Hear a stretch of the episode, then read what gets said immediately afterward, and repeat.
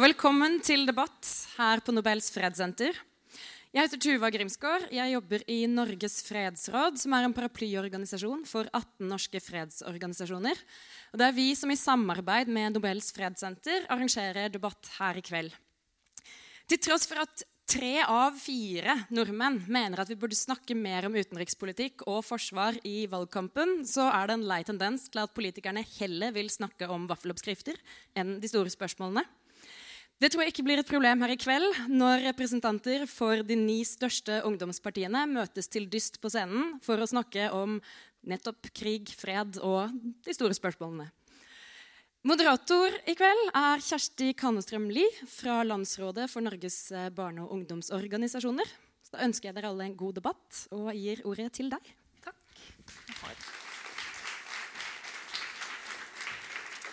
Tusen takk, Tuva. Veldig hyggelig å bli invitert. Og veldig hyggelig å se at så mange av dere hadde muligheten til å ta turen hit i kveld. Eh, og det er som eh, Tuva sier, utenriks-, sikkerhets- og fredspolitikk glimrer ofte med sitt fravær i eh, valgkampen. Men noen må sette dagsorden, eh, og det er det vi gjør her i kveld. For dette er viktige spørsmål. Fokuset, eller den røde tråden for denne debatten her i kveld, er hvordan dra verden i en mer fredelig retning og her er det lov å tenke lange linjer, være visjonære og ikke minst tenke hvilken rolle Norge bør og kan spille i framtida i det vi må kunne kalle en usikker verden. Og Til å diskutere disse spørsmålene så har vi jo da med oss representanter fra de ni største ungdomspartiene. Ønsk dem velkommen. Da kan dere bare komme opp på scenen, alle sammen.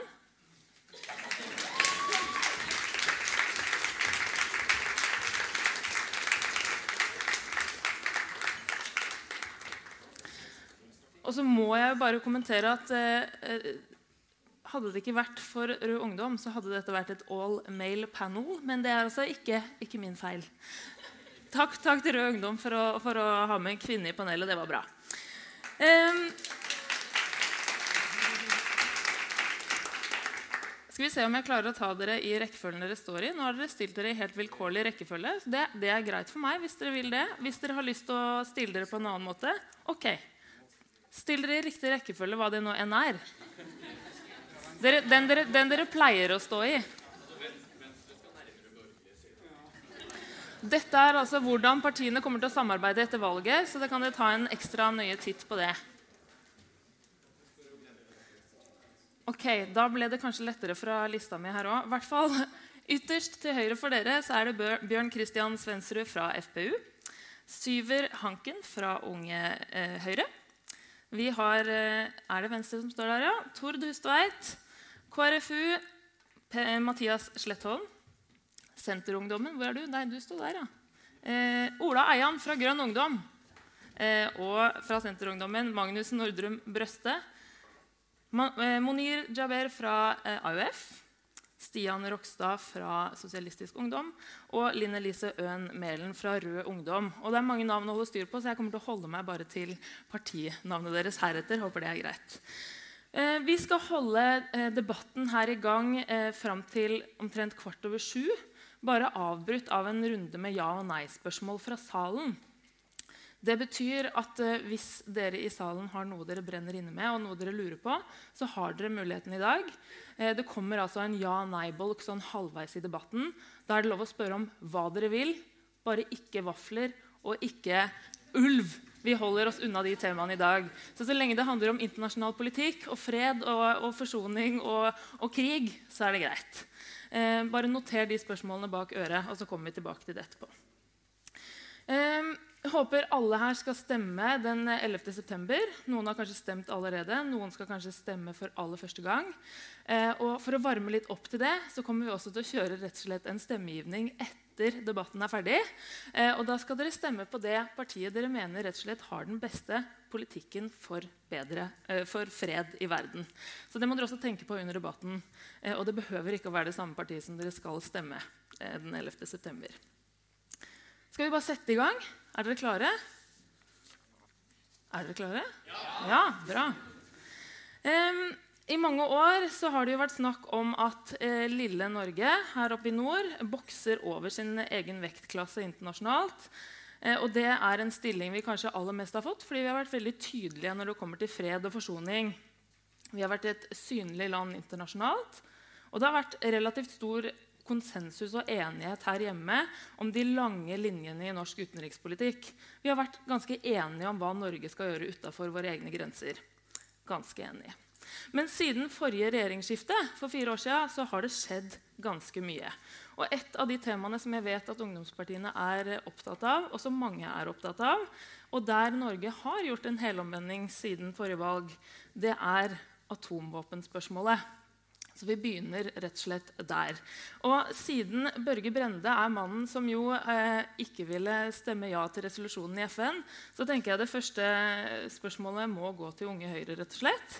Eh, hva tenker du det har gjort med Norges posisjon internasjonalt at vi stemte nei?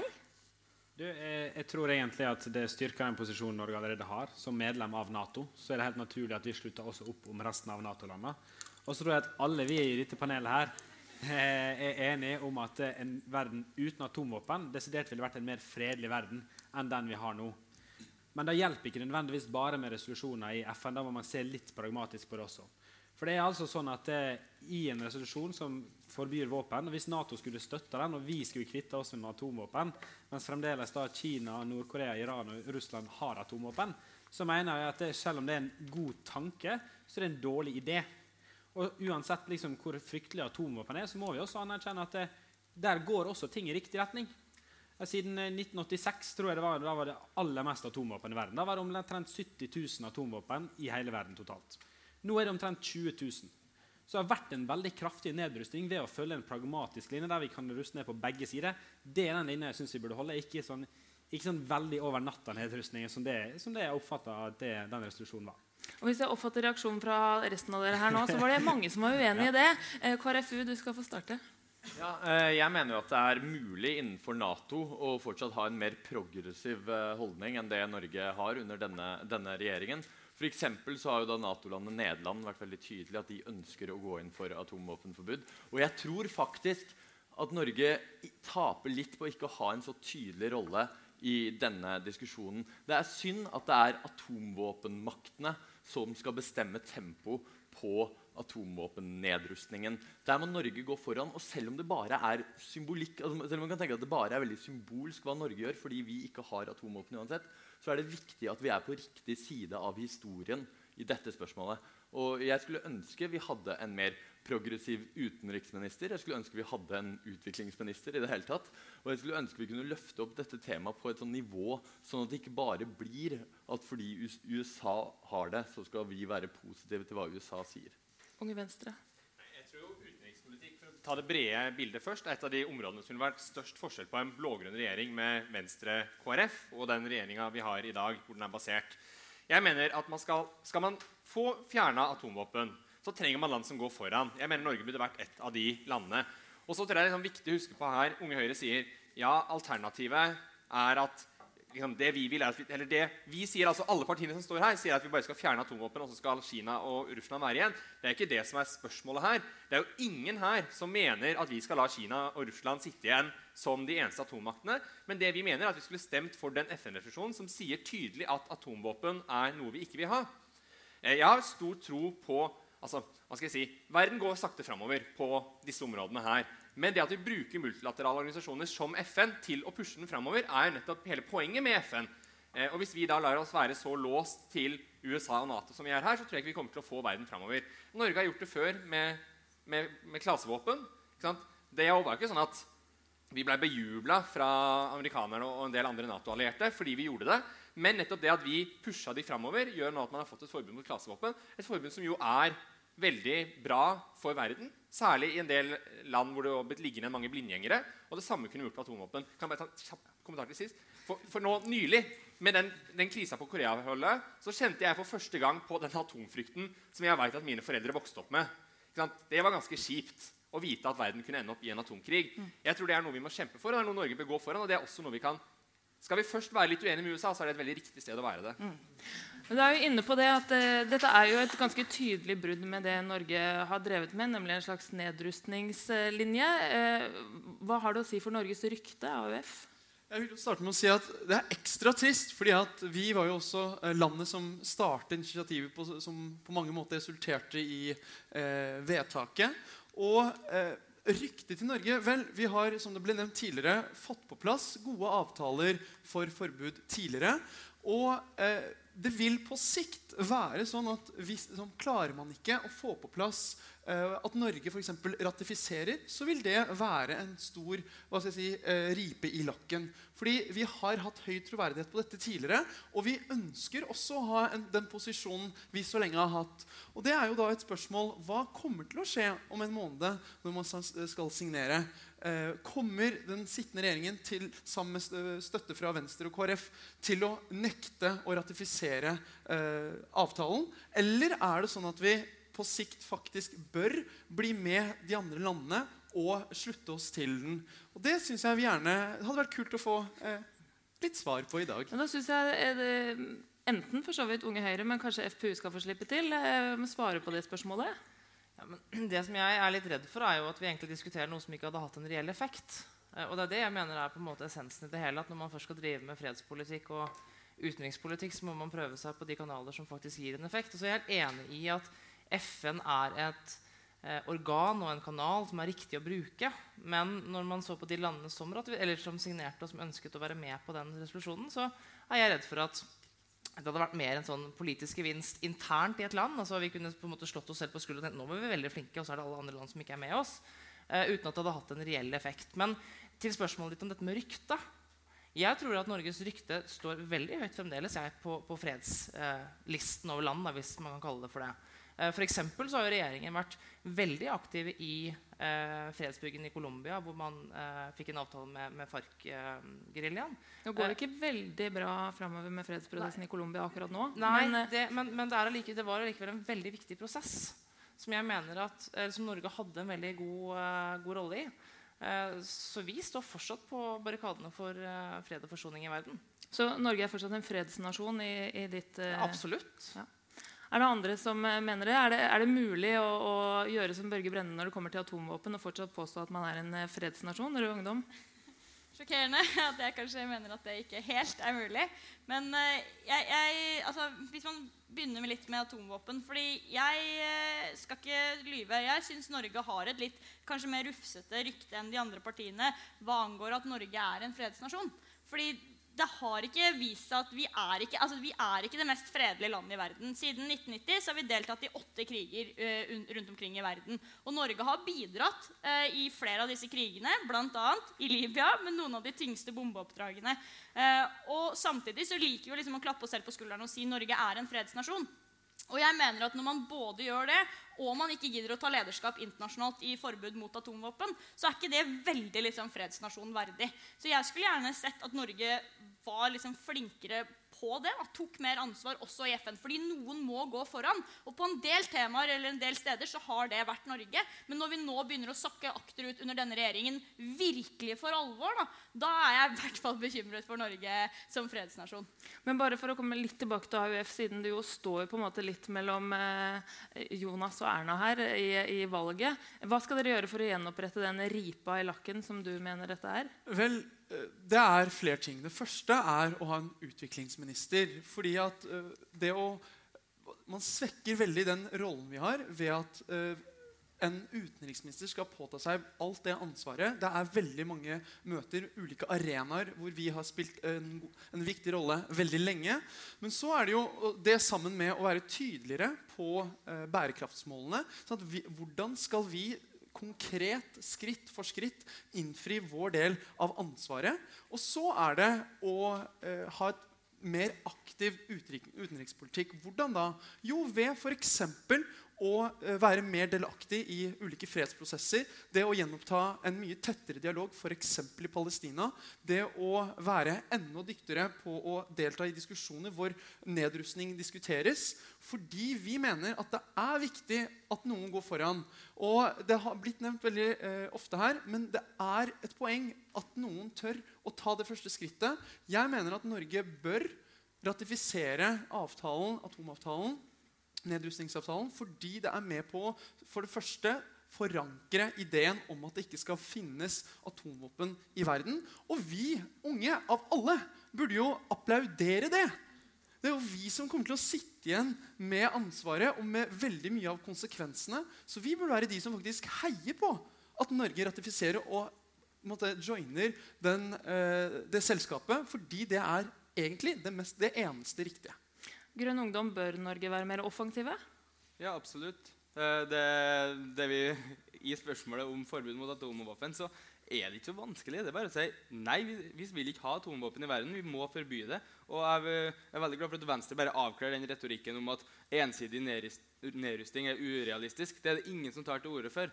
Vi må ha nedrusting i alle land. Så det er en sånn avsporing. Og jeg diskuterer gjerne med AUF om vi skal ha forbud mot atomvåpen. Men det er vanskelig å se for seg om vi får eh, ja eller nei til det forbudet når vi skifter regjering, kanskje, eller om det blir den samme regjeringa. For Jonas Gahr Støre har vært ganske tydelig på at nei, vi er veldig skeptiske til å skrive under den avtalen.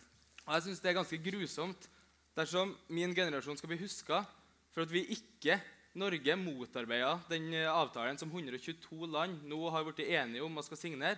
Så jeg håper virkelig at etter valget nå så snur både Høyre og Arbeiderpartiet og blir med og kjemper for å fjerne atomvåpen fra verden. For det, er et- grusomt våpen som er designa for å ramme sivile og har så store ødeleggende konsekvenser at vi har ikke kapasitet til å ta hånd om den eh, humanitære ødeleggelsen som kommer. Evigvarende, nesten tilnærmende evigvarende klima, eh, miljøødeleggelser med radioaktivt avfall.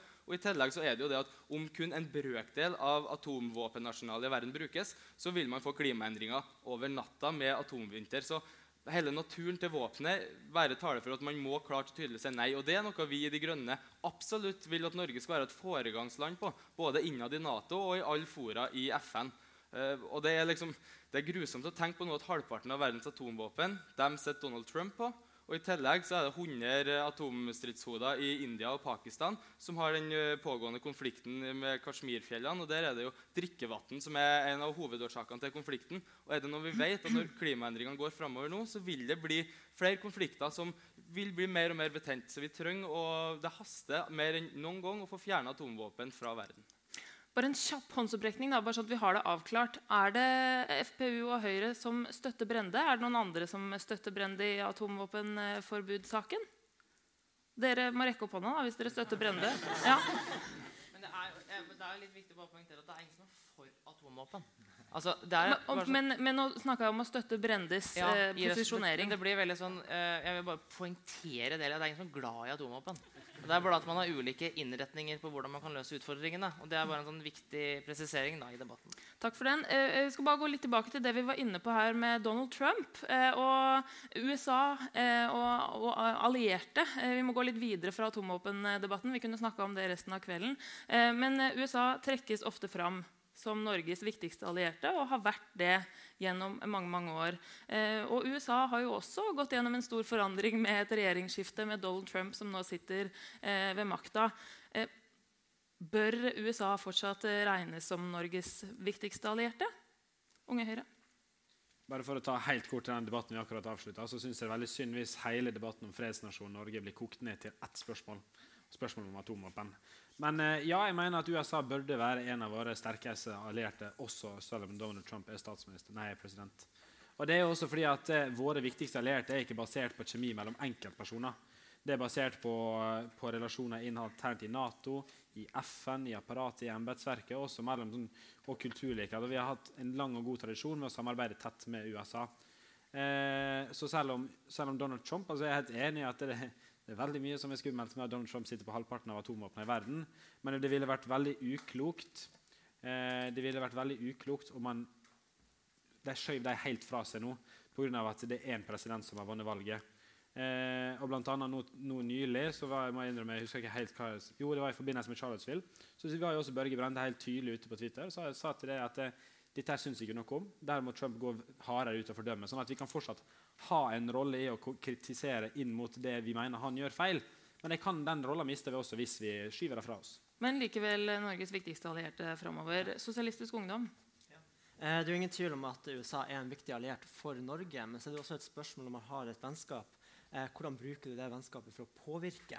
Eh, og da mener jeg at Norge må tørre å sende tydelige signaler til USA om hva vi synes er greit, om hva vi ikke synes er greit. Eh, og så vil jeg helst ikke på en måte eh, kun koke det ned til Trump, ikke Trump. Eh, for det er jo et Ja.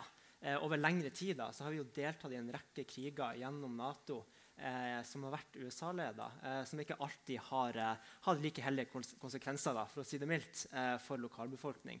Så det dreier seg ikke bare om å være for Trump, det dreier, det, det dreier seg om eh, hva vi gjør i det langsiktige. Hvordan snakker vi med vennene våre i det langsiktige, og hva slags signaler sender vi?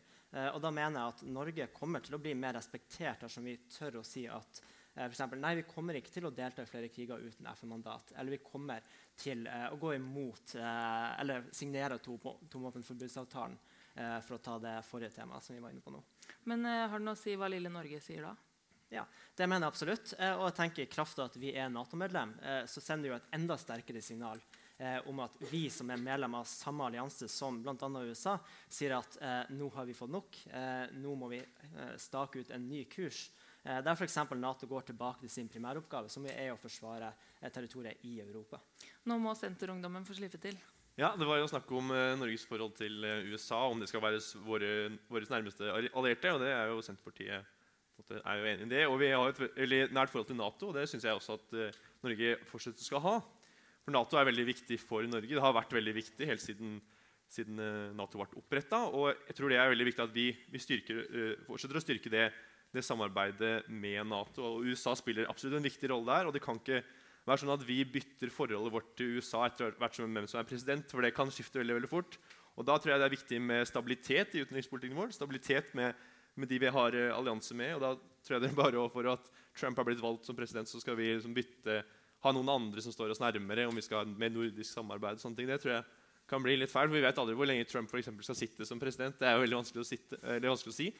Så, ja. Men dere er jo unge. Dere burde jo være visjonære og se fram i framtida og tenke hva er det vi vil ha, og ikke bare forholde seg til det som er nå. Er, er det litt sånn eh, konservativ tankegang her? KrFU? Ta Utfordre deg på det. Konservativ tankegang. Vær så god, KrFU. Eh, eh, altså, jeg, jeg, kunne gjerne på en måte vært mer, mer sånn idealistisk og sagt nei, selvfølgelig vi skal være på en måte Norge bare, vi skal ha nordisk forsvarsallianse som skal være det som skal forsvare Norden i all fremtid. Problemet er at det er i realiteten ganske urealistisk når man ser på forsvarsbudsjettene i verden. Og så kan man absolutt si at Nato bør kutte ut med denne out of area policy, som de, som de jo starta med da i, i, Afghanistan. Og det er absolutt noe som jeg, jeg kan være med på. Men å si at vi skal på en måte Plutselig så er det Sverige, Danmark, Finland og Norge som sammen på en måte skal forsvare Nord-Europa, er faktisk ganske urealistisk. Eh, og, og, eh, jeg er jo egentlig for, for jeg er ikke så veldig glad i at vi skal bruke så altfor mye penger på forsvar i Norge. Eh, og det er jo i realiteten slik at vi har brukt for lite fordi vi nettopp har hatt USA som vår sikkerhetsgaranti. Og eh, jeg tror faktisk at den sikkerhetsgarantien holder mål. Altså Trump har, eh, har holdt seg på artikkel 5, sånn at et angrep på et Nato-land er et angrep på alle. Så vi må være litt vi må være litt realistiske også, selv om jeg gjerne skulle hatt en annen president i USA. Jeg stemte Hillary. hvis Jeg kunne. Jeg beklager at jeg brukte ordet konservativ. Veldig farlig i en politisk debatt. Det var overhodet ikke ment i noen retning. Men eh, Nordisk forsvarsallianse, da må jeg peke på RU, som kanskje har vært den eh, tydeligste forkjemperen for det. Eh, er det naivt? Vel, Finland og Sverige er jo ikke medlem av Nato. Eh, og Finland har et betydelig sterkere forsvar enn det Norge har. Norge har jo systematisk bygd ned vår forsvarsevne og heller investert i eh, bombefly til 260 milliarder kroner. Eh, og det som, liksom, det som, er nå, da Jeg merker at eh, altså, For å svare på spørsmålet ditt Jeg er helt enig. i USA er vår viktigste allierte. Det er det. Det er jo fordi vi systematisk og ensidig nærmest har bygget oss opp til at USA skal være den eneste allierten vi har. Vi har jo ikke dyrket et sterkt nordisk forsvarssamarbeid. Så ja, akkurat per nå så er jo USA vårt eneste alternativ. Men det er jo fordi det er en villet politikk fra, fra, fra de andre partienes side. Men hvordan skal et sånn nordisk forsvarssamarbeid se ut? Ja, det vi vil jo bruke eh, vi, okay, For det første så, så, mener vi at en, en god sted å begynne er jo at eh, Nato også stopper med out of area-strategien sin. Det er vi helt enige om. fordi det må jo skje gradvis. Vi er jo ikke mer naive enn at vi skjønner at vi kan ikke trekke oss ut av Nato i dag. Men da må man begynne med de tingene vi er mest mot at Nato gjør, og så heller bygge opp et nordisk forsvarssamarbeid eh, litt på lang sikt. Og da vil vi jo ta initiativ til å, å høre med de andre landene i Norden. Men Hvis du fikk bestemme, når er Norge ute av Nato? jeg skal ikke stå her og tallfeste det. Det tror jeg er litt farlig. Men det jeg vil si, da, er at akkurat nå så ser man hvor sårbart nå som man har fått Trump som nei, president, så ser man hvor sårbart det er å bare ha en god alliert. Og Norge har jo også gått i krig for USA gang på gang. Det slo jo Godal-rapporten fast eh, om krigen i Afghanistan. Der den krigen ikke tjente noen av Norges uttalte mål annet enn å være en god alliert for USA. Så vi har jo vært pliktoppfyllende hele tiden for USA. Mens vi virkelig har bygd ned vår egen forsvarsevne og ikke står igjen med liksom, stort liksom, forsvar i Norge. da. AUF. Ja, eh, vel, Først i alliansepartnere og litt om Norden. Hvordan Hold, hold deg til Nordisk forsvarsallianse nå. Okay, er, du, er, du, er, du, enig med RU? Vil du, vil du støtte en, en samme strategien? Vi har sagt Nato. Det er, måte, eh, det, har, det er, veldig bred enighet om at vi er medlemmer i Nato. Det er viktig sikkerhetspolitisk for Norge. Så er jo vi veldig for nordisk forsvarssamarbeid. Og hva spørsmålet hvordan? Jo, det er tre måter å få til det på. Det første det er mer på eh, innkjøp av forsvarsmateriell. At vi skal kjøpe ubåter. Hvordan er det vi kan for samarbeide med land som bygger de osv. Eh, man kan samarbeide et, på etterretning. Vi har store nordområder felles. Hvordan er det vi kan for de nye flyene vi skal kjøpe, eh, overvåkingsflyene, hvordan er det vi kan spleise på de, og at man deler på det materialet man klarer å avdekke? Det er en annen måte. Og tredje er jo øvelse. Og eh, Torvald Stoltenberg skrev jo faktisk en utredning om akkurat dette. Hvordan få til et mye tettere nordisk samarbeid. Det finnes mange måter, men så er spørsmålet vi har, De siste fire åra har vi dessverre ikke gjort nok for dette. Det eneste vi faktisk har gjort på å styrke båndene våre til Norden, det er et veldig lite og veldig ubetydelig prosjekt som går på bekledning i Forsvaret. Vi skulle ønske vi kunne gjort enda mer. Vi skal bruke masse penger på å ruste Forsvaret for framtida. Men vi kunne ha gjort smartere hvis vi hadde sett i våre naboer. Unge Høyre, er det ikke lurt da å styrke forsvarsevnen sammen med våre nordiske allierte også? Vi kan godt samarbeide med Norden om bl.a. innkjøp av materiell. Det har vi også programfestet skal. Men så må jeg bare si at det, det har liksom vært en del andre ting å ta seg av i, innenfor forsvarssektoren de siste fire åra. Vi har fått på plass en lang, stor, historisk langtidsplan for Forsvaret. Vi har endelig snudd eh, trenden som Rød Ungdom snakker om, med nedbygging av Forsvaret. Og endelig begynt å styrke bevilgningen til Forsvaret. Så nå bygger vi faktisk opp vår egen forsvarsevne. Vi er ikke i mål, men vi har snudd en veldig lang trend. Det er jeg glad for. Og så mener jeg virkelig også det at det, det er NATO, mange av partiene her som er for å ruste opp Forsvaret, er det ikke det? Jo, jo. Ja. Det er, men det er noen få partier som gjør det. Mm. Eh, og så må jeg bare si det at eh, for meg så er liksom Nato ubestridt. Og det er sånn, du kan godt si at eh, vi har bare vært eh, USA sin gode venn i Afghanistan. Vel, vi har, vi har fjerna et fristed for terrorister. Vi har sørga for at flere barn får gå på skole. Det er tross alt bedre der nå enn hva det var før vi gikk inn. Eh, Afghanistan du nevnte nå. Ja, i Afghanistan. Sånn at det er ikke sånn at Hvis vi skal ha en tanke om at vi også skal gjøre noe for, utenfor våre egne grenser I fjor så, så, kom det jo rapporter om at det aldri har gått så dårlig i Afghanistan. Så jeg vil bestride litt eh, mm. eh, vet ikke hvor, hvor, du, hvor, du, har fakta om at det går bedre der, men det er vel også en diskusjon vi kan ta. Men vi kan gå videre på nordisk eh, forsvarsallianse Unge Venstre. Nei, eh, Unge Venstre er jo genuint for alt internasjonalt samarbeid. skulle jeg si. Og for alt. Sånn, kan, jeg bare, kan, jeg bare, gå et steg tilbake og si sånn, Er det noe vi har lært sett av Donald Trump kommer, eh, så er det én at den internasjonale ordenen vi har, er skjør. Og to at multilaterale, multilaterale organisasjoner er svake. Så vi, vi mener at Norge må være en pådriver for å styrke alt multilateralt samarbeid. Og Hvis jeg da kan hoppe over til nordisk forsvarssamarbeid, det er fint. Eh, men det er også en del andre land i Europa vi kan knytte oss nærmere til. Vi har forsøkt en del nordisk forsvarssamarbeid. For var det jo Archer-prosjektet, som jo krasja så totalt at vi nå har kasta bort flere milliarder på det. Forklar kort hva Det er. Nei, det er et fellesinnkjøp av artilleri som virkelig krasja. Vi har holdt på med det i ti år nå. Nå krasja det. Eller ikke nå, men og det har liksom krasja mer og mer og mer. Eh, så det er liksom det er ikke alltid våre naboer er helt villige til å samarbeide heller. Og samarbeid. It takes two to tango og alt det der. Eh, men jeg mener vi må se etter andre samarbeidspartnere. Norge har mange spennende. Vi har et fellesinnkjøp på fly med Ungarn og en del andre land som er stasjonert i Ungarn. Eh, vi, har, eh, vi kan se på Nederland, som vi har en del felles ting med. Så sånn, på generelt grunnlag, Alt forsvarssamarbeid som gjør at vi får mer forsvar for pengene, er bra, også nordisk. Så det vil jeg bare si. Og så må vi også, som jeg sa, på alle andre områder å styrke det multilaterale samarbeidet. For det er sant, På samme måte som Norge er et bra land fordi vi har sterke institusjoner.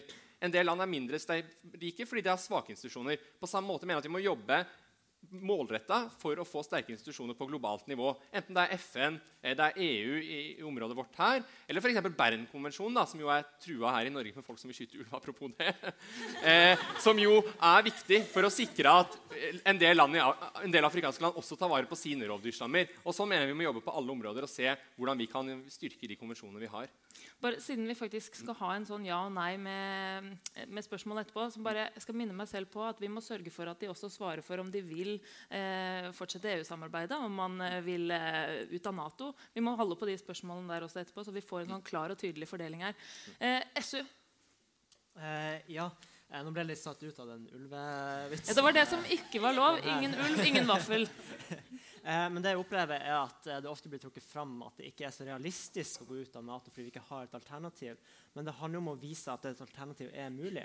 Eh, det er litt det du sa tidligere, at vi skal være de unge, vi skal være de visjonære. Og da må vi vise at det er mulig å trekke seg ut av Nato og få et forsvarssamarbeid som er mer på våre premisser, og som gagner Norge bedre i det lange løp. Og da er det ja, både nordiske land, men også Tyskland, Nederland, andre typer land. Så det er ikke det at jeg på en måte er imot å samarbeide med Europa heller. Eh, men det handler litt om at jeg mener at USA har for stor makt i Nato. For stor definisjonsmakt over hva vi gjør, når vi gjør det, og hvordan vi gjør det. Eh, og det er ikke sunt eh, i en allianse. I en allianse så må man ha eh, likeverdige maktforhold. Eh, der alle har mulighet til å si sin mening om hvordan ting skal være. Og det opplever ikke jeg at vi har i Nato i dag. Kort eh, replikk. Ja, Vel, eh, at man snakker, man snakker, nå om at Trump og det var da det starta, at vi må se litt mer til Norden osv. Vel, det stemmer jo ikke helt. da, fordi at, at, amerikanerne har prioritert mer seg selv og sine områder, startet jo med Obama, hvor de begynte å trekke vekk veldig mange eh, styrker. Hvor de f.eks. fjerna veldig mye materiell og utstyr som brukes i Europa, over til over Atlanteren. Så dette har jo pågått veldig lenge. Og når du fra, Tord, snakker om eh, en avtale om fly sammen med Nederland så er jo det, det er jo et mer spesifikt om som går på air-to-air refueling. At man får uh, tankskip, tankfly. Eh, og, og, problemet er jo at det har gått så mange år hvor man har prøvd å få til gode avtaler hvor vi kan ruste opp vårt forsvarsmateriell, men som bare har munnet ut i veldig små intensjonsavtaler. Så Det er ikke inne i langtidsplanen for eksempel, at Norge sant, takes two to tango, men noen må by opp til dans. Og Da er det veldig viktig at, faktisk, at man setter pengene som trengs for å få det til å skje. Det er sånn man både styrker Nato, men også det nordiske forsvarssamarbeidet. Mens FPU snakker nå, som skal få den siste replikken i denne lille omgangen, så tenk på de spørsmålene dere vil stille, for nå går vi snart over til en ja- og nei-runde på scenen her. Vær så god. Jeg bare prøver å tenke tilbake til spørsmål. eh, men eh, er USA fortsatt en, en, viktig alliert og kommer det til å være det? Og eh, svaret mitt er ja. Og så er det Jeg tror alle ungdomspartiene i Norge er egentlig ganske skremt over hvilken utvikling USA har hatt med tanke på politikken etter at Trump ble president. Um, men, Bør vi eh, stille strengere krav til, uh, til vår eh, nære alliert? Det kan vi godt gjøre. Men jeg har lyst til å trekke en litt annen parallell også. fordi jeg tror en av utfordringene vi har, er at over, gjennom ganske mange år så har vi tenkt at USA er en veldig god alliert, noe de er, noe jeg vil fortsatt at de skal være. Men så har vi liksom latt det være en liten hvilepute og tenkt at uh, uansett hva som skjer med Norge, så kommer USA. Uansett hva som skjer, så kommer på en måte Nato. Uh, Nato er en kjempeviktig allianse for Norge. Jeg håper det også kommer til å være i uoverskuelig framtid. Men det å uh, ha hatt det som hvilepute Jeg sliter meg, altså. hvilepute eh, tror jeg har vært eh, litt farlig for tankegangen. Eh, fordi vi, vært, vi, er rett og slett nødt til å ruste opp det egne forsvaret vi er sårt avhengig av å ha. Eh, og dermed er jeg også veldig åpen for et nordisk eh, samarbeid på, på forsvarsfronten. Eh, men vi kan gjøre to ting samtidig, og vi kan ikke undervurdere Natos rolle i, i framtida. Ja- og nei-spørsmålene fra salen fungerer altså på følgende måte. De av dere som har et spørsmål og har lyst til å stille det, kan stille seg i kø bak denne mikrofonen. Eh, det er altså utelukkende ja- og nei-spørsmål. Eh, og de må formuleres på den måten at politikerne kan svare ja, nei eller vet ikke. Eller, altså den gule i midten her kommer til å være vet ikke eller har ikke bestemt meg eller er usikker. Eh, så kom igjen, still dere opp, still spørsmål. Og så skal jeg starte med, med, to bare for å komme i gang. Politikerne her, dere må altså stille dere i enten rød, gul eller grønn, avhengig av hva svaret deres er. Så er dere klare? Bør Norge melde seg ut av Nato?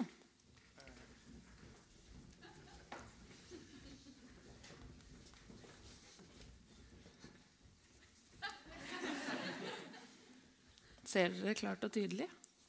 Jeg ser ingenting, men jeg regner det viktigste at dere ser. Um, ja eller nei til EU?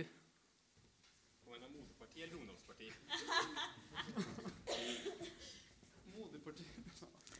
Dere må, dere må rep representere dere selv, da. Og så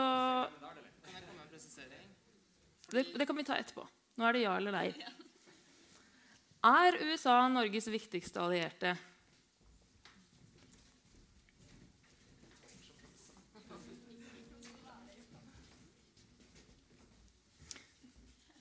Bør det norske forsvaret rustes opp?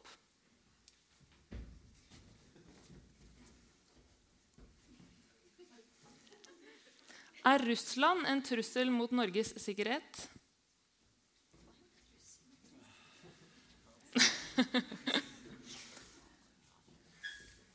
Jeg vil veldig gjerne at flere skal stille seg i køen mens jeg stiller spørsmål, så vær så snill. Alt er lov. Eh, og det siste spørsmålet Her er alt lov, bortsett fra ulv og vaffel. Eh, ok, Vi tar det siste spørsmålet. Eh, bør Edward Snowden få asyl i Norge?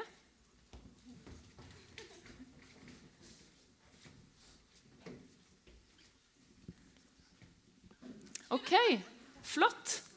Da slipper vi til spørsmål fra salen. Vær så god. Eh, bør Norge opprettholde sanksjonene mot Russland?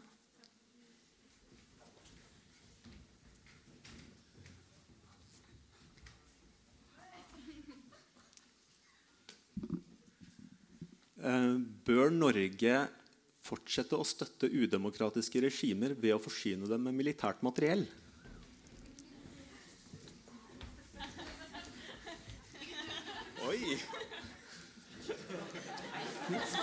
Veldig bra. Fredsdepartement som en parallell til Forsvaret, eventuelt fred og utvikling eller fred og miljø. Kan du formulere spørsmålet som et ja- og nei-spørsmål? Ja, altså Ønsker dere et fredsdepartement, eventuelt et fred- og miljødepartement eller fred- og utviklingsdepartement?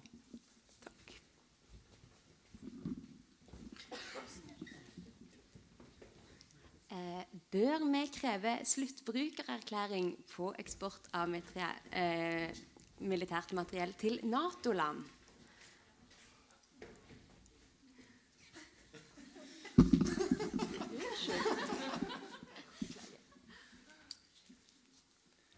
Burde Norge signere atomvåpenavtalen, som gjør at det er folkerettslig ulovlig å lagre, og bruke og produsere atomvåpen 20.9. i år?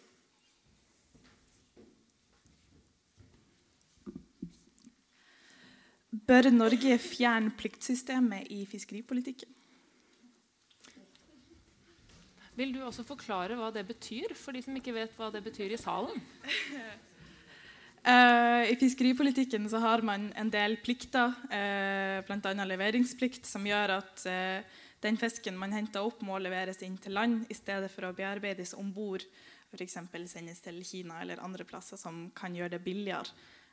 Men at mange mener at pliktsystemet skaper arbeidsplasser langs kysten, og at å fjerne det vil fjerne arbeidsplasser langs kysten.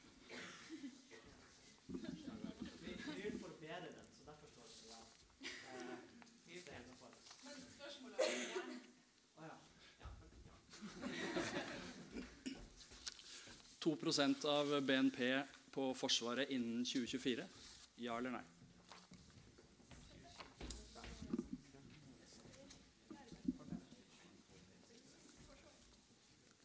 Bør Norge gå inn for en internasjonal sexkjøpslov?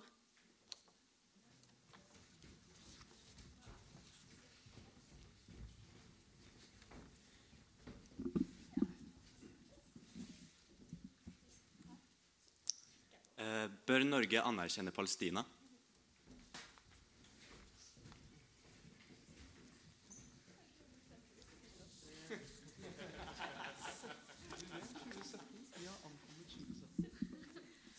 Bør Norge stanse salg av militært materiell til landene som kriger i Jemen?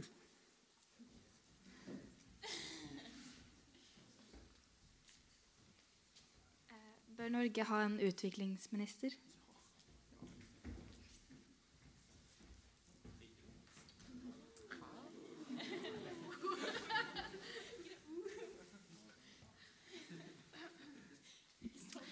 Eh, hvis ditt parti kommer i regjering etter valget, kan du eh, lov eller sånn nærmest garantere at det vil bli vedtatt et statsbudsjett som gjør at vi vil eh, følge avtalen fra Paris, klimaavtalen fra Paris?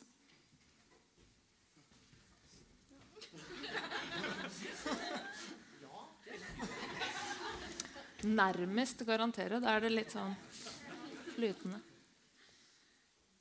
Er det noen som brenner inne med et siste spørsmål? Hvis ikke så var det veldig bra deltakelse. Kjempefint. Takk. Da kan eh, dere få lov å gå tilbake på plassene deres. Og det som er litt bra med å involvere publikum sånn, er at da kan vi jo fortsette å snakke litt eh, om de tingene som publikum er mest opptatt av. Eh, og jeg merka meg at det er, var flere spørsmål når det kommer til eksport av eh, militært materiell og våpen i salen. Og det er jo også tradisjonelt et spørsmål som ungdomspartiene er opptatt av. Eh, og også en rekke ungdomsorganisasjoner er flinke til å sette det på dagsorden. Um, Fremskrittspartiets ungdom ble stående alene eh, under et av de spørsmålene eh, om man vil garantere at man vil stanse eksport av militært materiell til eh, våpen som brukes i krigen i eh, Jemen. Hvorfor ble du stående i, røde, i det røde lyset? Det, ja, hvorfor det? Nei, altså det er jo det, Jeg syns det kan være et litt vanskelig spørsmål. Um, på eksport av våpen. Jeg syns det, det, er et veldig vanskelig spørsmål. Uh, det handler om uh, på den ene siden litt sånn uh, hvordan da dette ryktet vårt skal være, samtidig som at vi har noen allierte, vi har noen tankegods og sett som vi på en måte ønsker å få bukt med.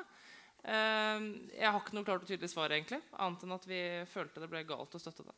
Unge Venstre her håper jeg virkelig alle dere som sitter i salen, eh, går inn og ser hvordan folk har stemt på Stortinget. For her er det et spørsmål hvor det er ganske klare fronter.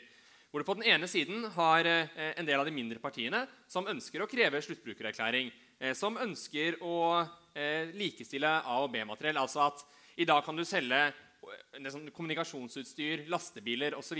til eh, diktaturer, men du kan ikke selge skudd. Men vi vet at alt som er på å bygge opp militær kapasitet, er med på å drive krig eh, videre. Kan du bare gjøre meg en kort tjeneste og si ja. hva er en sluttbrukererklæring? Nei, Det er at man lover hvor våpnene skal selges videre. Eh, og, og, det er viktig eh, å kreve. Og her har da alle de små partiene i praksis stemt sammen. Det samme gjelder, Der var vi ikke akkurat helt enige hvordan vi ville ha det, men det er et, alle de små partiene ønsker en eller annen form for økt kontroll over våpeneksport. Enten gjennom et uavhengig faglig råd eller gjennom at det skal være parlamentarisk eh, kontroll. Der er vi ikke helt enige, men de store linjene. Så har da eh, Frp, Høyre, Arbeiderpartiet og til dels Senterpartiet eh, stemt mot her. Eh, så det håper jeg alle her merker seg i den debatten.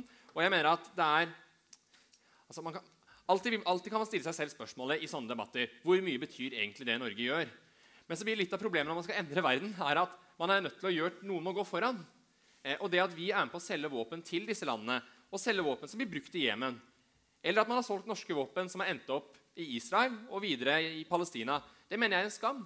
Og det er noe, altså, Vi skal ikke profitere på det, og vi må også gå foran som gode eksempler. og er heller, Her er det heller ikke noe motstrid mellom det å være med i Nato og det å ha et strengt regelverk. For vi har et strengt regelverk, vi har mange smutthull. Det er mange land i Nato som har et strengt regelverk, men ikke har de samme smutthullene som oss. Senterungdommen, dere ble nevnt. Eh, vil du svare på det? Ja. Ellers takk. Du vil ikke svare på det? Hvor, da, da stiller jeg deg et spørsmål. Hvordan kan Norge sørge for at eh, våpen vi eksporterer, ikke havner i udemokratiske regimer? Nei, da må man følge opp bedre hvem ja, det, de våpnene man eh, har med å gjøre når det gjelder internasjonal handel. og, og det en, de våpnene Norge produserer. Så man må være, man er tydeligere på, på akkurat de retningslinjene som gis da, ved salg av våpen. Slik at man hindrer at de går til eh, ja, ting man ikke støtter opp om i udemokratiske land. Grønn ungdom. Ja, det, Svaret på det spørsmålet er å bare si ja til sluttbrukererklæring. Også til Nato-land. Til alle land vi selger våpen til, så har vi et moralsk ansvar for å vite hvor de våpnene går til. Ikke bare når landene kjøper dem direkte, men når de selger dem videre. Må Norge selge våpen? Nei, og det må vi ikke. Og vi må heller ikke bruke skattepengene våre på å investere i våpenproduksjon i utlandet, som vi gjør i dag. Så vi ønsker at oljefondet skal trekke seg ut av all våpenproduksjon, og at vi skal føre en langt mer restriktiv våpensalg. Egentlig så bør vi ikke selge eh, så mye våpen i hele tatt, bortsett fra til våre allierte, men i hvert fall ikke til land som eh, bryter menneskerettighetene. Så trekke ut eh, investeringer i våpen og stramme inn salg av våpen og kreve sluttbrukererklæring. Det må vi gjøre. Sosialistisk Ungdom, du nikker. Ja, jeg er veldig enig i det som blir sagt. Eh, Jeg mener at eh, man kan kanskje si at det er et bidrag til Nato-alliansen at vi produserer våpen, men jeg tenk- tenker at det trenger ikke å være det. Det er ikke en industri vi trenger å eh, binde oss opp til, eh, annet enn da å ha det til eh, eget bruk i eget militære. Eh, for jeg syns det er veldig synd og veldig dumt at vi eh, våpen til diktatur rundt omkring i verden, f.eks. Saudi-Arabia, som har et grusomt eh, eh, repertoar når det kommer til menneskerettigheter og kvinners rettigheter og diverse støtte til eh, ja, islamistgrupper. Eh, sånn at eh, jeg tror egentlig vi alle er veldig enig i at vi trenger å eh, stramme inn på hvor våpnene våre ender opp. Eh, så er vi tydeligvis uenige i Stortinget da, på om en sluttbrukererklæring er det riktige å gjøre. Ungdom.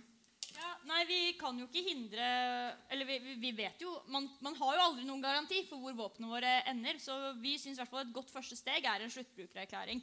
Men så må man jo, hvis man skal være litt realistisk, da, å ta noen steg også her. fordi det er jo det dessverre internasjonal fred handler om. Det er jo ganske mange små steg. Så må det jo gå an å si at noen land er så kjipe, antidemokratiske, autoritære at der må vi sette foten ned og si vi kan ikke eksportere dit.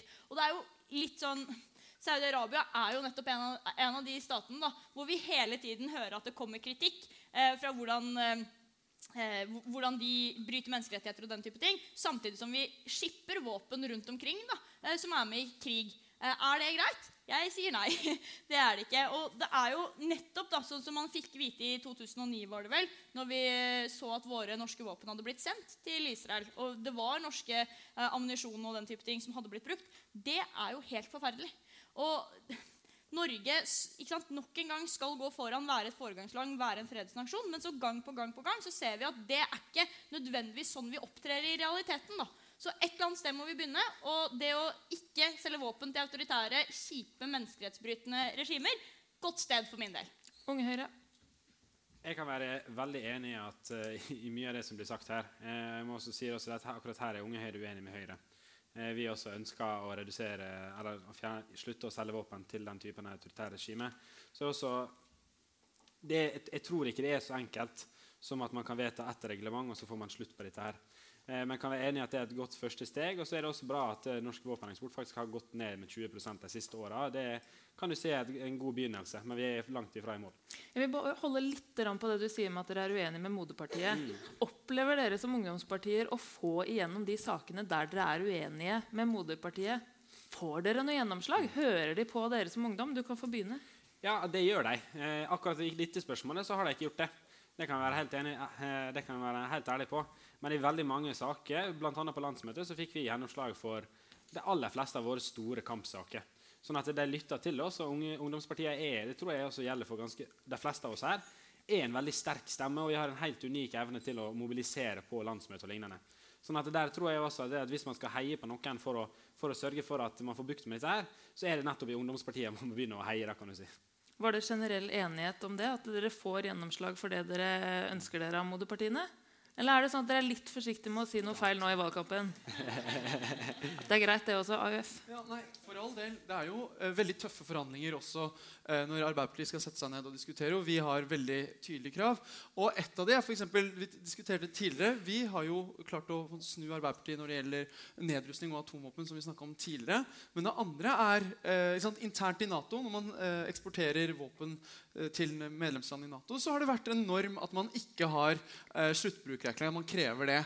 Og det har jo vi nå sagt. Eh, Arbeiderpartiet sier tydelig nå at vi skal kjempe og jobbe for at Nato faktisk skal forplikte seg til å underskrive sluttbrukererklæringer internt. Det er fordi vi ser at når vi, liksom, vi kan kontrollere hva som skjer, hva som går ut av Norge, men det er mange eh, land med i Nato med ulike regelverk. og Hvis vi skal være sikre på at vi har økt kontroll på hvor de havner, så må vi også be eh, medlemslandene i Nato om å eh, underskrive en sluttbrukererklæring. Og det er jo på en måte det blir eh, tøft og veldig hete diskusjoner for å få disse typer gjennomslag. Men det er ett skritt av gangen som virkelig da, eh, i det lange løp eh, gir store. Veldig, veldig kort. Sa du nå at arbeid, dere har fått med dere Arbeiderpartiet på atomvåpen? At man skal gå inn for forbudet internasjonalt? For det har jeg ikke lest når jeg leser uttalelser fra Støre. Er det sånn at det er helt klart at Arbeiderpartiet kommer til å stemme for at vi skal signere den avtalen som et land? Vel, eh, Grønn Ungdom, Vi var de som starta initiativet når vi satt i regjering. Og vi, har sagt, vi har sagt at vi ønsker å delta sammen med de andre landene om å forby atomvåpen. Du kan lese partiprogrammet vårt hvis du vil. Der står det tydelig. Vi ønsker å jobbe for at man uh, forbyr i det lang, liksom langsiktig, gjensidig nedrustning. Jeg kan vise deg det etterpå. Men å signere den nå, og signere avtalen etter valget? Ja, vi har jo sagt liksom, Vi sitter jo ikke i regjering. og det er ja. ja når, når den tid kommer, og det er det som er viktig? Når den tid kommer, så har i hvert fall Arbeiderpartiet sagt at når det er målet vårt, åpenbart ønsker vi da å signere den. Uh, og så er det Du er må det svare på spørsmålet ja, hans. Ja, Ja? Vi har jo sagt at vi ønsker Det var et ja eller nei-spørsmål. Ja. Takk. Bare gå eh, kjapt inn på et av de andre spørsmålene hvor dere begynte å le. og Det tror jeg var fordi RU sto sammen med FPU og Høyre alene fra venstre flanke her. Eh, og det var det med utviklingsminister, som alle dere andre vil ha i neste regjering. Eh, uansett hvilken regjering det blir, så ønsker dere en utviklingsminister. Hvorfor vil ikke du ha det? Nei, Jeg tror kanskje ikke det mest realistiske er at vi danner regjering med Frp og Høyre med det første. Det, da må dere ja. eh, Nei, eh, vi mener først og fremst Eller først og fremst så har vi ikke tatt stilling til det. Eh, men eh, jeg syns helt ærlig talt at når vi hadde utviklingsminister det var, Jeg skal gi ros for at man ga bidrag direkte til, eller bistand direkte til fagforeninger og kvinneorganisasjoner. Godt jobba, Heikki Holmås. Men ellers så vet jeg ikke om det er den mest effektive måten å jobbe for eh, ja, internasjonal fred og utvikling og bistand. rett og slett. Uansett så får ikke dere noen utvikling, utviklingsminister, for Ikke dere vil ikke inn i noen regjering. Så bare sånn at det var sagt. Nei, men vi støtter jo en ny regjering, da, folkens! KrFU. Ja, altså det er ikke noe tvil om at uh, Noe av det store paradokset her er at vi har fått på plass uh, bærekraftsmålene, som er da en, en felles ansvar for hvordan vi skal se ut fremover. Og det er veldig synd at når vi har bærekraftsmålene og Parisavtalen, at vi ikke har en egen statsråd på akkurat dette feltet som skal løfte det utviklingspolitiske, som er mye mer enn bistand. Det dreier seg om alt hva Norge gjør innenfor med oljefondet, med våpeneksport, med alle disse tingene. Så er det viktig å ha en statsråd som er til stede i de internasjonale foraene hvor dette eh, dekkes. Nå står altså I Verdensbanken, i Det internasjonale pengefondet, så står den norske stolen tom fordi Børge Brende ikke har tid til å være overalt.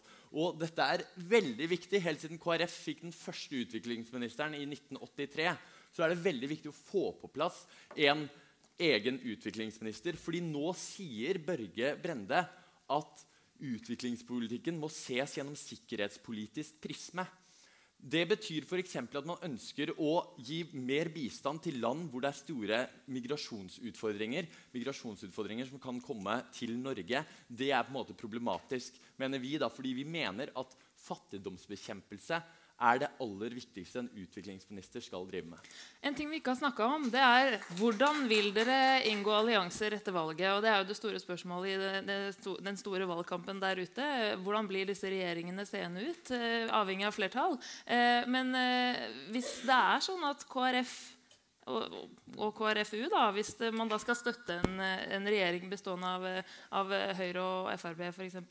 Vil det være et krav dere stiller? Nei, vi, skal, vi, har sagt ganske tydelig at vi ikke ønsker å støtte en regjering som Frp sitter i. Men hvis dere vil sitte i en regjering med Høyre, da, mm. som ikke ønsker en utviklingsminister, Nei, vil det være noe altså, dere Vi klarer å påvirke Høyre nok til at de skjønner at, trenger, at verden trenger en norsk utviklingsminister. Det ser ikke ut som Høyre er helt enig i det. Ja, men altså, vi tar det, vi tar det etter valget. Men jeg kan garantere at hvis KrF er i en regjering, så er, har den regjeringen utviklingsminister. Det kan jeg si på stående fot. Men kanskje vi skulle bare tatt det, sånn at det er litt tydelig for salen nå. Hvordan vil alliansene bli? Eh, på, på, den eh, venstre siden og på den høyre siden eh, Hvis, hvis Høyre, Høyre, vinner valget, da, hvordan blir regjeringa på den sida her? Klarer dere å lage noen regjeringer her på, på scenen nå? Ja, når vi vinner valget, først og fremst. Det er en viktig presisering. Du, eh... Det ville ingen svare på. Hvordan vil dere samarbeide jo. etter valget? Ja, men... det, klarer dere, ja?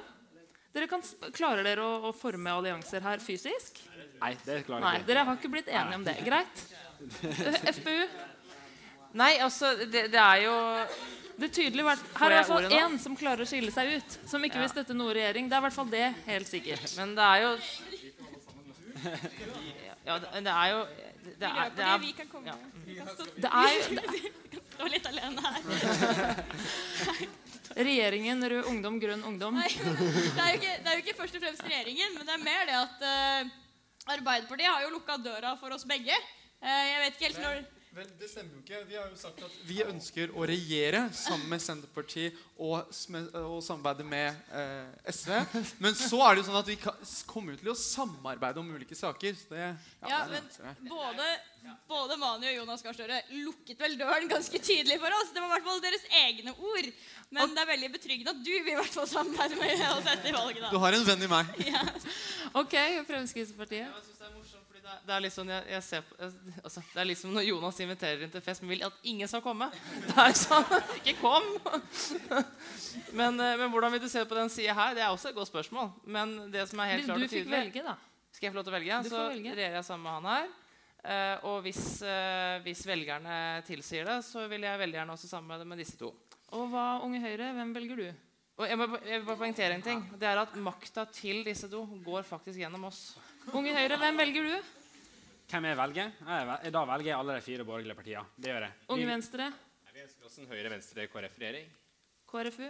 Eh, vi ønsker oss egentlig en Høyre, Venstre, KrF, Senterpartiet og kanskje Miljøpartiet De Grønne. Altså Alle sentrumspartiene og partiet Høyre ønsker vi sammen. Men jeg er klar over at Senterpartiet og Høyre ikke er bestevenner i disse sentraliseringstider. Men i KrF, så er vi, i KrF så er vi kjent for å ha sterk tro. Grønn ungdom. Det eneste vi har sagt helt klart og tydelig, det er at Frp står for langt unna oss på den grønn-grå-aksen. så det er helt utelukka. Og så er det opp til resten hvem som gir oss mest på miljø. Så vi holder døra åpen til begge sider. vi, absolutt. Men Frp går ikke. Og så må det være noen som er villig til å slutte å åpne nye oljefelt. Senterpartiet er veldig tydelig på at vi går til valg på en regjering bestående av to partier. og Det er Arbeiderpartiet og Senterpartiet. AUF? Det samme har vi gjort. SU? Eh, flertall alene? Er det, er det så ambisiøst? Det må være lov. Det må være lov altså, å si det Jeg kan gjerne samarbeide med både MDG og eh, RU, men jeg tror det som blir mest realistisk, er sikkert Arbeiderpartiet og Senterpartiet. Men så må jeg bare si at for at vi skal garantere Arbeiderpartiets støtte, så er du faktisk nødt til å underskrive den uh, atomvåpenavtalen som nå er oppe i FN. sånn at hvis dere skal ha Eh, har makt eh, fra sak til sak, eh, så må dere innfri det kravet. Det, AUF noterer seg det. Så da vil jeg bare si at SV er på en måte garantisten, eller SV er på en måte garantisten da, for at det blir skrevet under på. Og Erud, du har på en måte svart på spørsmålet. Når vi kommer inn på Stortinget, så vil vi jobbe ikke bare for en ny regjering, men også ny politikk. og det trekke Arbeiderpartiet i riktig retning. Det tror jeg er vårt svar. Jeg ville bare gjerne ha den forklaringa. Det er ikke sikkert alle har fulgt med like tett i valgkampen. Og det er greit å vite litt hvem det er som er venner her, og hvem som ikke er like gode venner. og hvem som ikke alle er venner. Så det i stad sånn, sånn, vennskapsmessig, men politisk ikke like gode venner alltid. Eh, jeg skal gå til et litt annet spørsmål. Eh, som mange også mener eh, blir debattert for lite i valgkampen. Og det handler om flyktningsituasjonen. Eh, og det er et eh, vanskelig tema som ofte skaper høy temperatur eh, i, i, valgkampen. Men jeg tenkte vi skulle begynne å snakke litt om flyktningkonvensjonen. For Arbeiderpartiet, Senterpartiet og Fremskrittspartiet ønsker en gjennomgang av flyktningkonvensjonen. Eh, og for de som ikke vet hva flyktningkonvensjonen er, så definerer den hvem som kan regnes som flyktninger, og hvilke rettigheter flyktninger har. Og den ble utarbeida i etterkant av andre verdenskrig. AUF, eh, hva har du å si til det? Hva er det, hva er det man ønsker med en sånn gjennomgang eh, av flyktningkonvensjonen? Vel, eh, aller først så er det veldig krevende. Vi har hatt tøffe diskusjoner internt om vi ønsker en gjennomgang eller ikke. fordi at Hvis man først åpner opp for å eh, revidere da, eller endre konvensjonen, så kan det gå enten to veier. At man får for mye tyngdepunkt på å svekke den, mens vår intensjon er å styrke den. Men så er det jo Målet er å være tydelig på hva innebærer det å være flyktning i dag det å være tydelig på internflukt. To av tre mennesker som er på flukt i dag, er det internt i det landet hvor konflikten er. Og Det er ikke godt nok i dag ivaretatt i flyktningkonvensjonen. Det ønsker vi å gjøre noe med. Samtidig så ser vi at det, finnes, at det bør finnes flere måter å få prøvd sin eh, flyktningstatus. Eh, skal det være sånn at eh, de vestlige landene eller de landene som har mulighet til det, skal ha, skal ha, et større ansvar for å kunne prøve flyktningstatusen tidligere?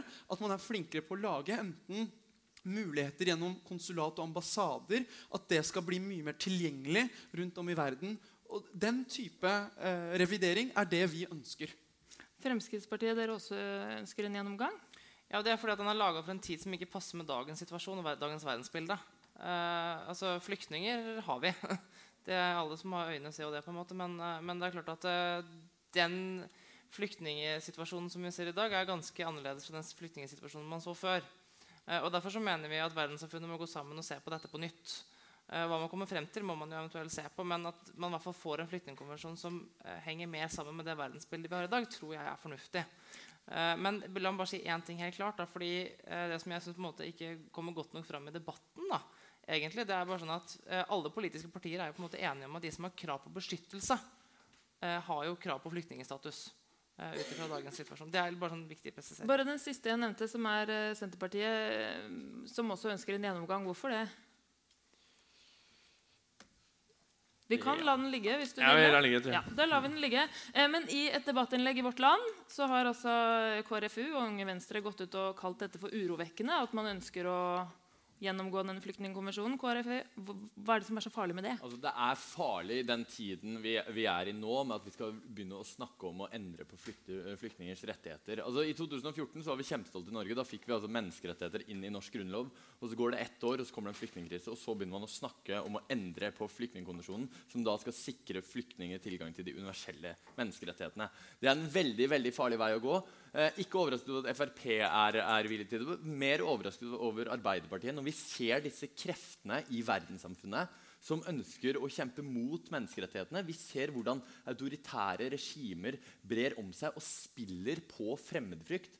Altså I Norge også, men til, altså i, altså hvis du tenker på Polen, Ungarn, disse landene Hvis vi endrer på flyktningkonvensjonen, så tror jeg det bare vil svekke flyktningers stilling. Og det vil jeg ikke være med på. Men jeg er enig for eksempel, Vi må begynne å snakke om hva klimaflyktninger. fordi at Flyktning strengt definert vil jo si at du, skal, altså du forfølges i ditt hjemland av styresmaktene i ditt hjemland. Altså Hvis hjemlandet ditt synker i havet, altså hva skal man da gjøre med det?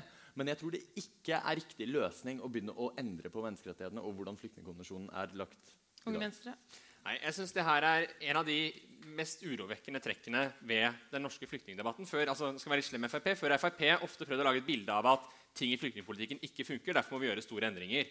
Eh, det er litt sånn jeg opplever at eh, Arbeiderpartiet og Senterpartiet også gjør her. De prøver å løfte et problem som ikke er eh, reelt. For Flyktningkonvensjonen er et sterkt verktøy for å forsvare de som er på flukt. Og liksom som jeg om i sted, at Vi må bygge opp om de institusjonene vi har. så mener jeg Flyktningkonvensjonen og retten til å søke asyl er en sånn institusjon. Og så er jeg enig med AUF i at det er et paradoks at vi sier én, folkens, dere har en rettighet. Det er å søke asyl. To, gjør mest mulig for at dere ikke skal få brukt den rettigheten. Det er et paradoks. Men så kan ikke vi si at fordi vi ikke er villige til å la folk bruke den rettigheten, skal vi begynne å endre konvensjonen.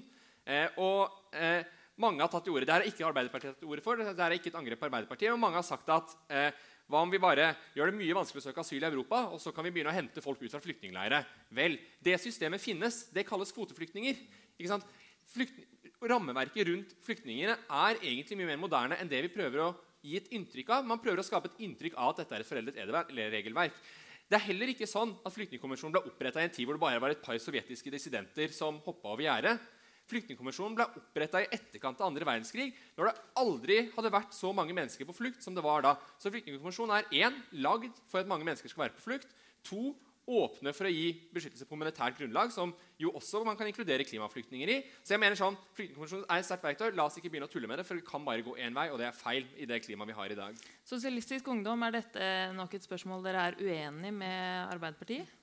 Uh, ja, uh, det er nok det. Uh, og det er ikke, jeg tviler ikke på at Arbeiderpartiet har gode intensjoner i det, men jeg må se det litt i lys av hva slags tid forslaget kommer opp i. Uh, for Når har man konvensjoner? Hvorfor har man avtaler? Jo, for at de skal holde i vanskelige tider. Eh, og Da tenker jeg at da er det ikke tilfeldig at dette blir løfta nå.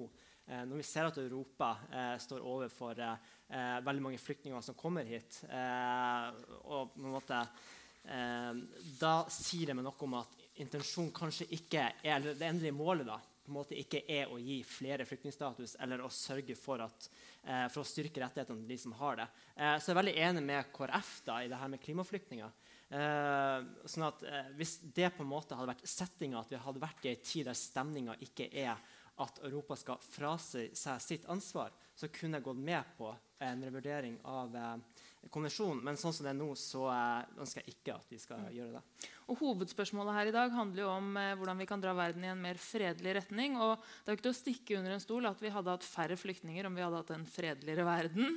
Eh, og Tida går veldig fort, og det, vi begynner å nærme oss avslutninga. Og, jeg vil egentlig at dere skal svare på det enorme spørsmålet der, gjerne i denne konteksten.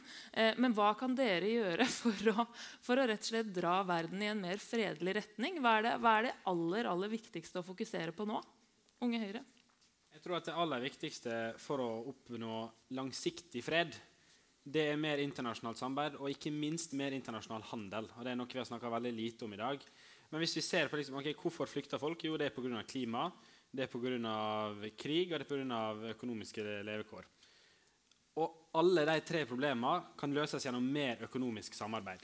Kan løses gjennom mer handel. Det er bare å se på hva vi har klart i Europa siden etter andre verdenskrig. Vi har bygd et sterkt samarbeid som ikke går til krig mot hverandre, og som samarbeider økonomisk. Handel genererer økonomisk vekst. og Kanskje den største garantien for at folk skal krige mindre, er at folk har det bedre i utgangspunktet.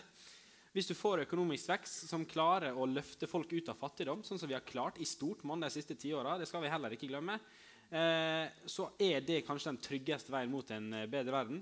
Derfor burde vi ha mer handel med fattige land.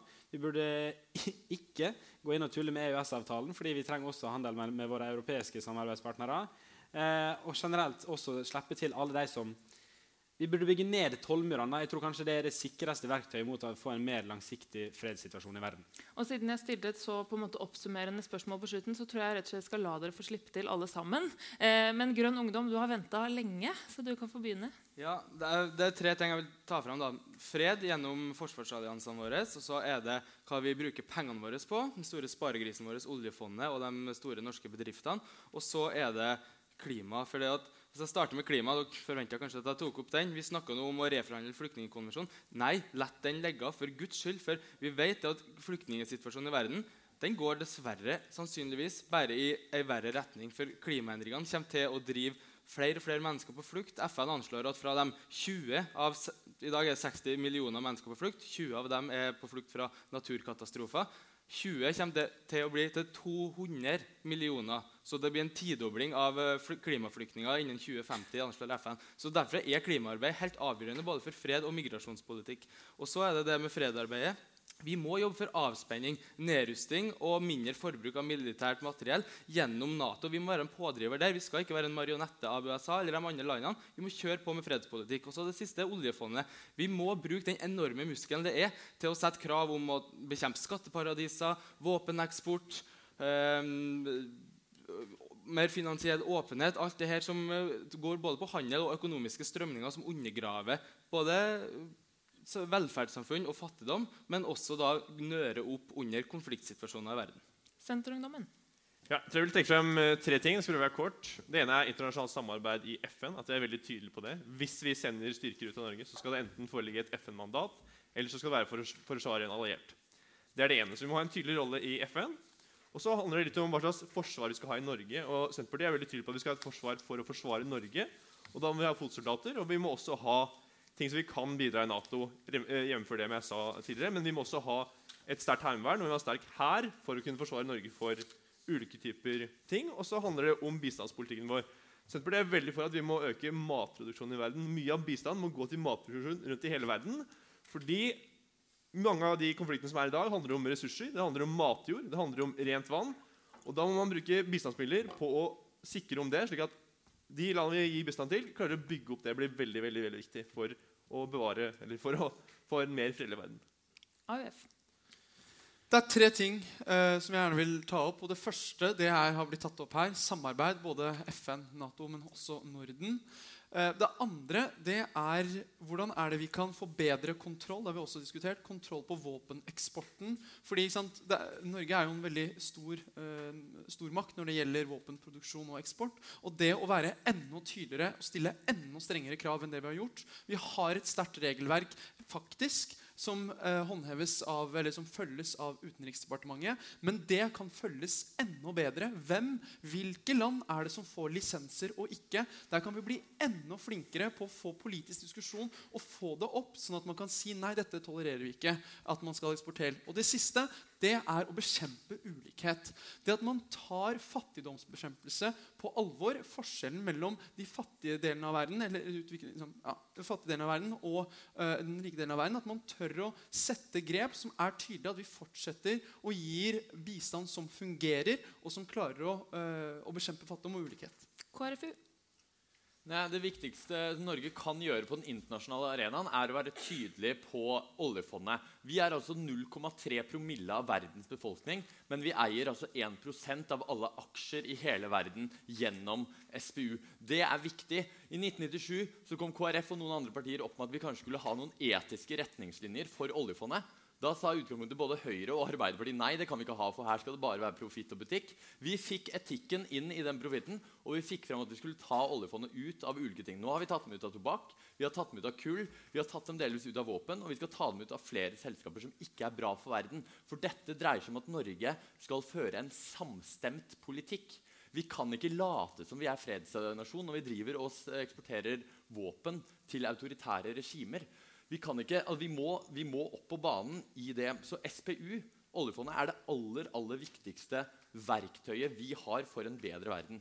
Men så skal Norge fortsette å være en fredsnasjon. Vi har vært til stede i mange konflikter. Det ble nevnt Colombia, eh, Sri Lanka, Øst-Timor. Det er viktig at vi er til stede i fredsarbeid, fordi jeg har veldig tro på fred. Og Da er det viktig at vi føler en ansvarlig utenrikspolitikk, ikke en aktivistisk utenrikspolitikk. Jeg regner med her at Det er veldig mange her som er positive til Palestina. Det er bra. Men vi kan, hvis vi går inn for en økonomisk, akademisk og kulturell boikott av Israel, så setter vi oss helt på siden, sidelinjen av en debatt, av, en, av forhandlingene, hvor vi har vært veldig sentrale helt siden Oslo-avtalen i 1993. Unge Venstre. Skal Norge forbedre verden, så må vi for det første føre en samstemt utviklingspolitikk. Det har vært nevnt både bistand og Eh, nei, både oljefond og våpeneksport her, så tror jeg det er viktig at vi støtter opp om de viktige internasjonale avtalene vi er en del av. Dessverre har vi kommet dit at uh, internasjonalt samarbeid er under press. Så jeg skal nevne noen konvensjoner som er trua av det valget her. Flyktningkonvensjonen, EØS-avtalen, Norges klimasamarbeid med EU, Bernkonvensjonen er alle trua av ett eller flere av de partiene her. Jeg mener at Norge skal være et land som sier ja til mer samarbeid, for samarbeid binder land sammen og binder også politikken i andre land i en riktig retning, som gjør at alle kommer bedre ut. Det må vi kjempe for, og derfor kommer jeg til å drive valgkamp helt fram til 11.12., Så vi verner om alle disse konvensjonene. Det tror jeg er viktig. Hopper til eh, Sosialistisk Ungdom. Uh, ja, uh, det er flere bra ting som blir trukket fram. Jeg ønsker veldig gjerne å trekke fram det med maktforhold i verden. Jeg mener Det er veldig viktig for verdensfreden at vi ikke gir for stor innflytelse, for stor makt, til de aller største landene, bl.a. som vi gjør nå gjennom Nato. Uh, og Veien til å forhindre det er på en måte å støtte opp om FN som en veldig viktig institusjon. Eh, spesielt som småland, eh, som det Norge jo faktisk er. Eh, så er det selvfølgelig klima. Vi står overfor en enorm klimakrise, men vi kan begrense den. Det betyr å begrense mm, tap av matjord, begrense antall flyktninger, begrense ustabilitet i varme områder, som igjen gir mindre kamp om ressurser. Uh, og Det siste jeg ønsker å trekke fram, er jo da bistand. Uh, og da er ikke nødvendigvis bistand som i 'her kommer rike Norge' og skal gi deg masse penger, sånn at vi kan føle oss bra.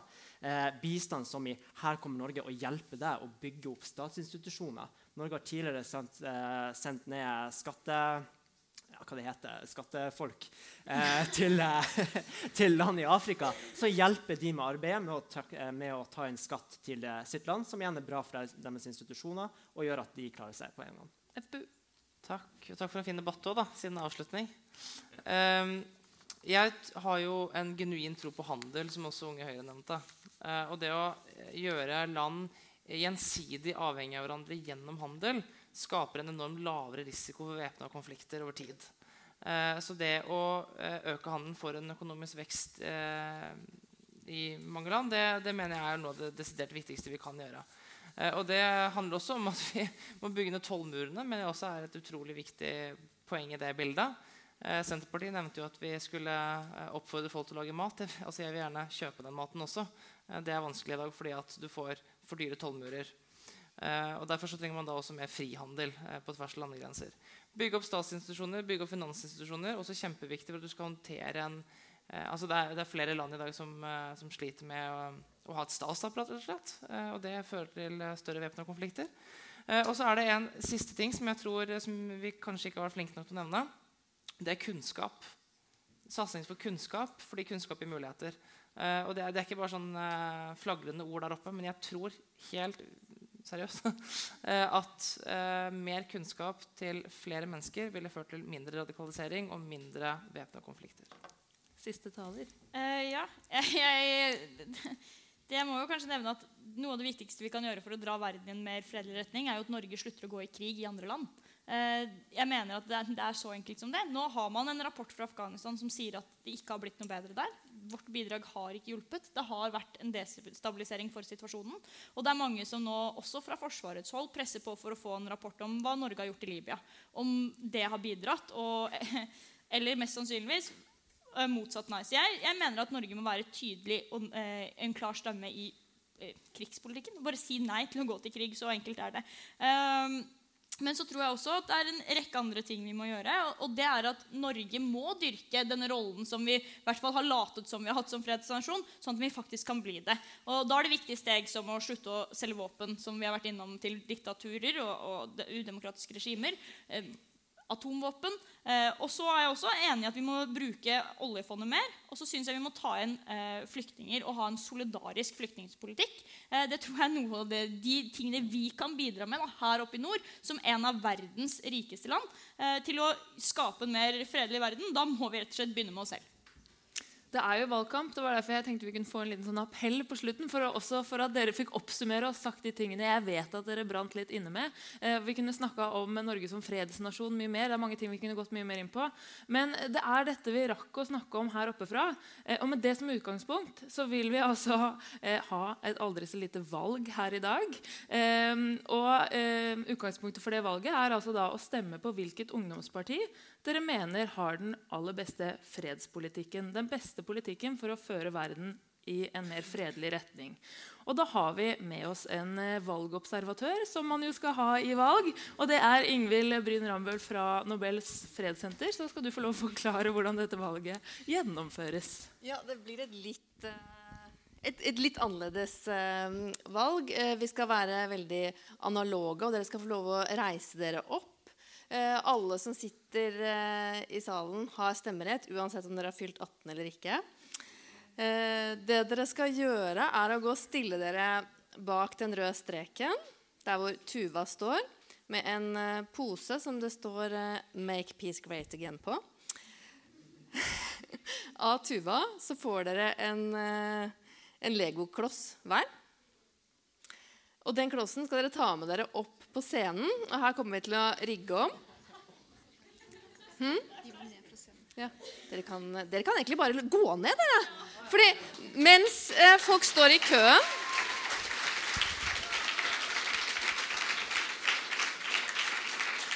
Men dere får ikke lov å gå hjem, altså.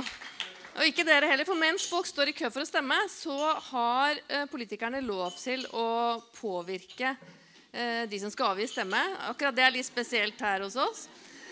Eh, dere som skal stemme, kan spørre dem om ting. Og dere ungdomspolitikere har lov til å ja, snakke litt med folk. Påvirke dem litt, pushe dem litt. Eh, så tar dere den klossen med dere opp på scenen. Én og én, selvfølgelig. Det er jo hemmelig valg. Eh, på bordet her sånn, så kommer det til å være sånne Duplo-plater. Dere vet jo hvordan dere skal gjøre det. Bygge Lego kan alle. Så tar dere med dere klossen, og så går dere til den plata som hører til det partiet som dere mener at fortjener deres stemme, og setter klossen der eller der eller der eller der, eller hvor det måtte passe. Eh, og så er det fint om dere bygger i høyden så langt det går. Og så kommer jeg til å stå bak og være litt sånn eh, byggmester og passe på at eh, klossene ikke faller eh, At tårnene ikke faller ned. Og så skal vi prøve å gjøre en, en kjapp opptelling etterpå for å kåre en vinner. Høres det greit ut? Da er det bare å stille seg i kø til stemmelokalene, for her kommer det til å bli stor eh, pågang. Det er, det, er, det er stemmeplikt, tror jeg, nærmest. Kom igjen.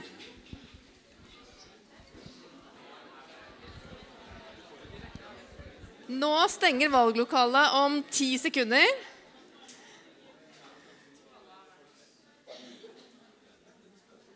Ingen etternølere. Tre, to, én null! En knepen seier til Sosialistisk Ungdom. Med Vi tar ved siden av hverandre. Jeg tror det er uavgjort andreplass på Grønn Ungdom og eh, Rød Ungdom. Ja, men da eh, har vi ikke noe Vi har ikke noe regjering eller noen stats, statsrådposter eller sånt noe å, å dele ut her. Men eh, da får Sosialistisk Ungdom komme opp, da, så skal du få med deg eh, fredsprismedaljer i sjokolade. Takk for innsatsen. Og så var det jo veldig tett i toppen her. Så jeg syns jo Rød Ungdom og, og Grønn Ungdom også fortjener eh, fredsprismedaljer i sjokolade.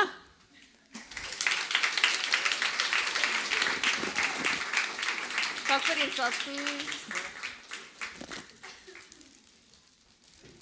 Takk for innsatsen. Og siden det er veldig demokratisk, så skal alle de andre også, som har deltatt, også få sjokolade. Men dere får det etterpå. Og til alle dere som kom, tusen takk for at dere kom og hørte på. At dere deltok i valget. Eh, Kom gjerne tilbake om en uke. Da skal vi ha en ny debatt på Nobels eh, fredssenter. Da skal vi diskutere islam og fordommer. Eh, Vi kaller det for fordomskveld, og vi arrangerer det i samme rom som vi, som vi sitter nå. Så jeg håper å se flere av dere der. Vel hjem og godt valg 11.9.